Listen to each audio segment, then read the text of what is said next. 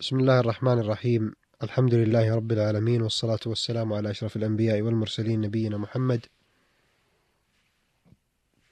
وعلى آله وصحبه أجمعين. وبعد أيها الإخوة المستمعون الكرام السلام عليكم ورحمة الله وبركاته. وأهلا وسهلا بكم إلى هذا اللقاء في هدي النبي صلى الله عليه وسلم في رمضان. هذا البرنامج الذي نستضيف فيه فضيلة الشيخ الدكتور عبد الكريم بن عبد الله الخضير وفقه الله. فحيا الله فضيلته. وأهلا وسهلا به معنا في هذا اللقاء. حياكم الله شيخ عبد الكريم. حياكم الله وبارك فيكم وفي الإخوة المستمعين. أيها الإخوة تتصرم أيام رمضان وها نحن في ختام هذا الشهر الكريم. نسأل الله تبارك وتعالى بأسمائه الحسنى وصفاته العلى أن يوفقنا إلى خير ختام. وأن يختم لنا هذا الشهر العظيم بقبول من لدنه. إنه سميع مجيب وأن يعفو عن الزلل والتقصير. أيها الإخوة في ختام رمضان ما الذي يشرع للمسلم نهاية هذا الشهر الكريم؟ لو تحدثتم حفظكم الله شيخ عبد الكريم حول هذا الأمر. الحمد لله رب العالمين وصلى الله وسلم وبارك على عبده ورسوله نبينا محمد وعلى آله وصحبه أجمعين. أما بعد فإن شهر رمضان ينتهي بغروب الشمس ليلة عيد الفطر ويثبت ذلك بأحد أمرين سبق الحديث عنهما في إثبات دخول الشهر. الأول رؤية هلال شوال من قبل عدلين من المسلمين ولا يكتفى بواحد كدخول الشهر. الثاني إن لم يرى الهلال فبإكمال عدة رمضان ثلاثين يوما. كما قال عليه الصلاة والسلام صوموا لرؤيته وأفطروا لرؤيته. فإذا لم تتم الرؤية لا بد من إكمال العدة لأن الأصل بقاء الشهر. فإذا ثبت خروج الشهر بالرؤية أو بإكمال العدة فإن هذا لا يعني أن المسلم استراح من عناء العبادة. فعمر المسلم كله موسم للعبادة كما قال جل وعلا واعبد ربك حتى يأتيك اليقين. ومن المؤسف أن يوجد في المجتمعات الإسلامية بل من كثير ممن ينتسب إلى هذا الدين من ينظر إلى هذا الموسم العظيم على أنه عبء ثقيل يثقل كاهله فبمجرد ما ينتهي الشهر المبارك يرجع إلى ما كان يزاوله قبل رمضان. في من تفريط في الواجبات ومن مزاولة لفعل بعض المحرمات.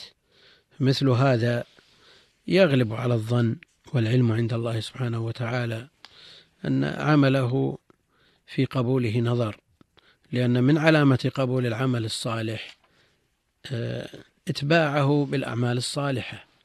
وقد كان السلف الصالح يجتهدون في إتمام العمل وإكماله وإتقانه ثم يهتمون بعد ذلك بقبوله ويخافون من رده.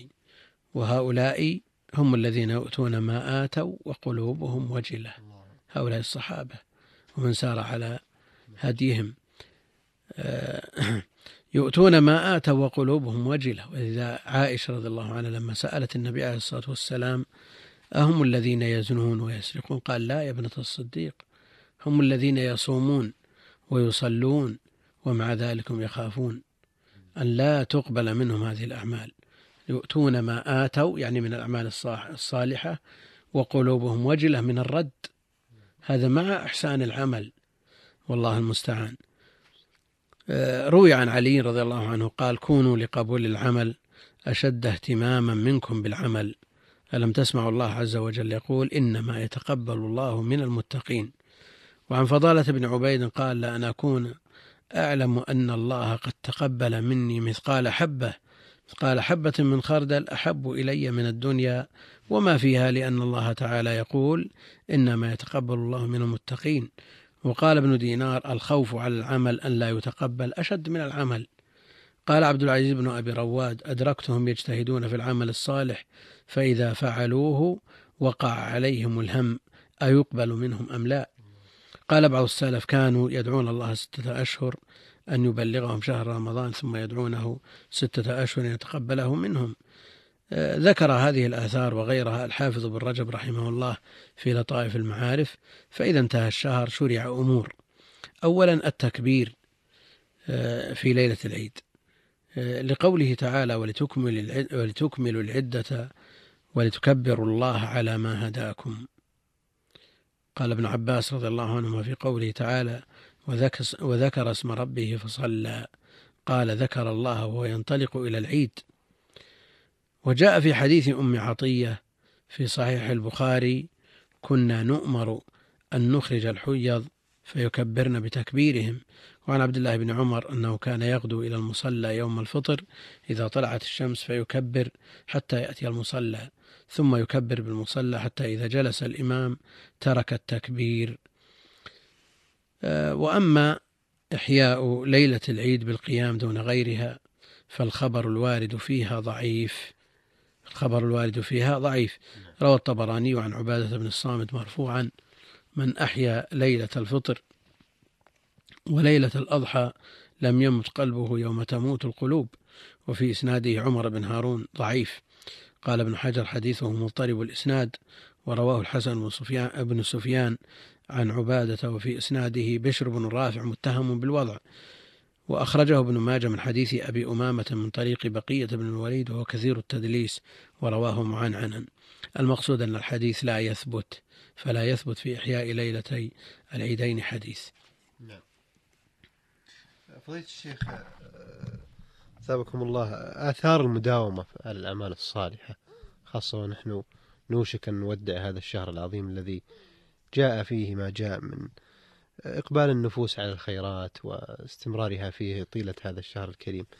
ترى ما هو الأثر آه، الذي يترتب على المداومة على الخير وعلى الأعمال الصالحة؟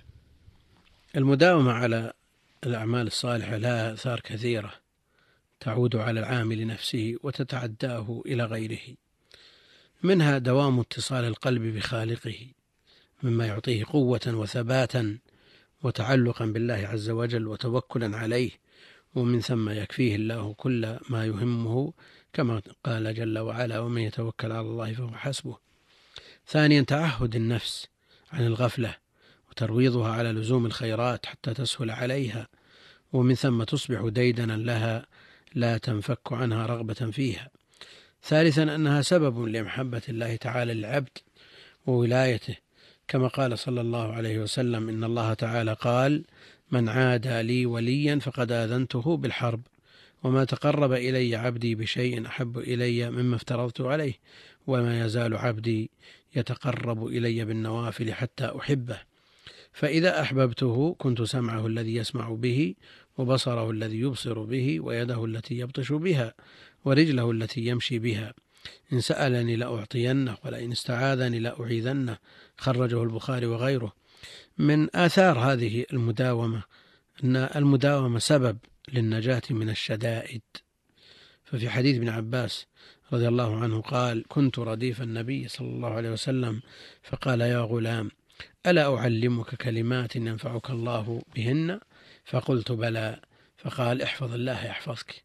احفظ الله تجده أمامك. تعرف على الله في الرخاء يعرفك في الشدة. الذي لا يقدم في وقت الرخاء فإنه لا يلاحظ ولا آه، تكون له نجاة في الشدائد. المداومة على الأعمال الصالحة سبب لحسن الختام. معروف أن من شب على شيء شاب عليه ومن شاب على شيء مات عليه غالبا.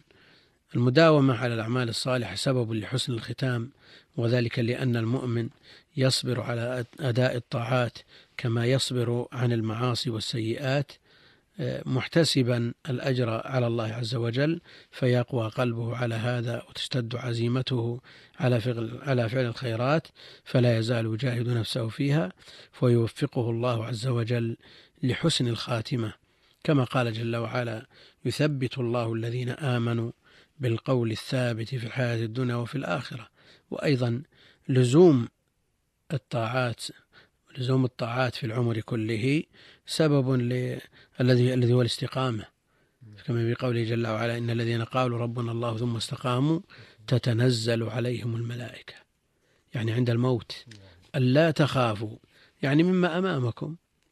فأنتم في مأمن من الخوف ولا تحزنوا على ما خلفتم لأنكم تعوضون خيرا منه والله المستعان.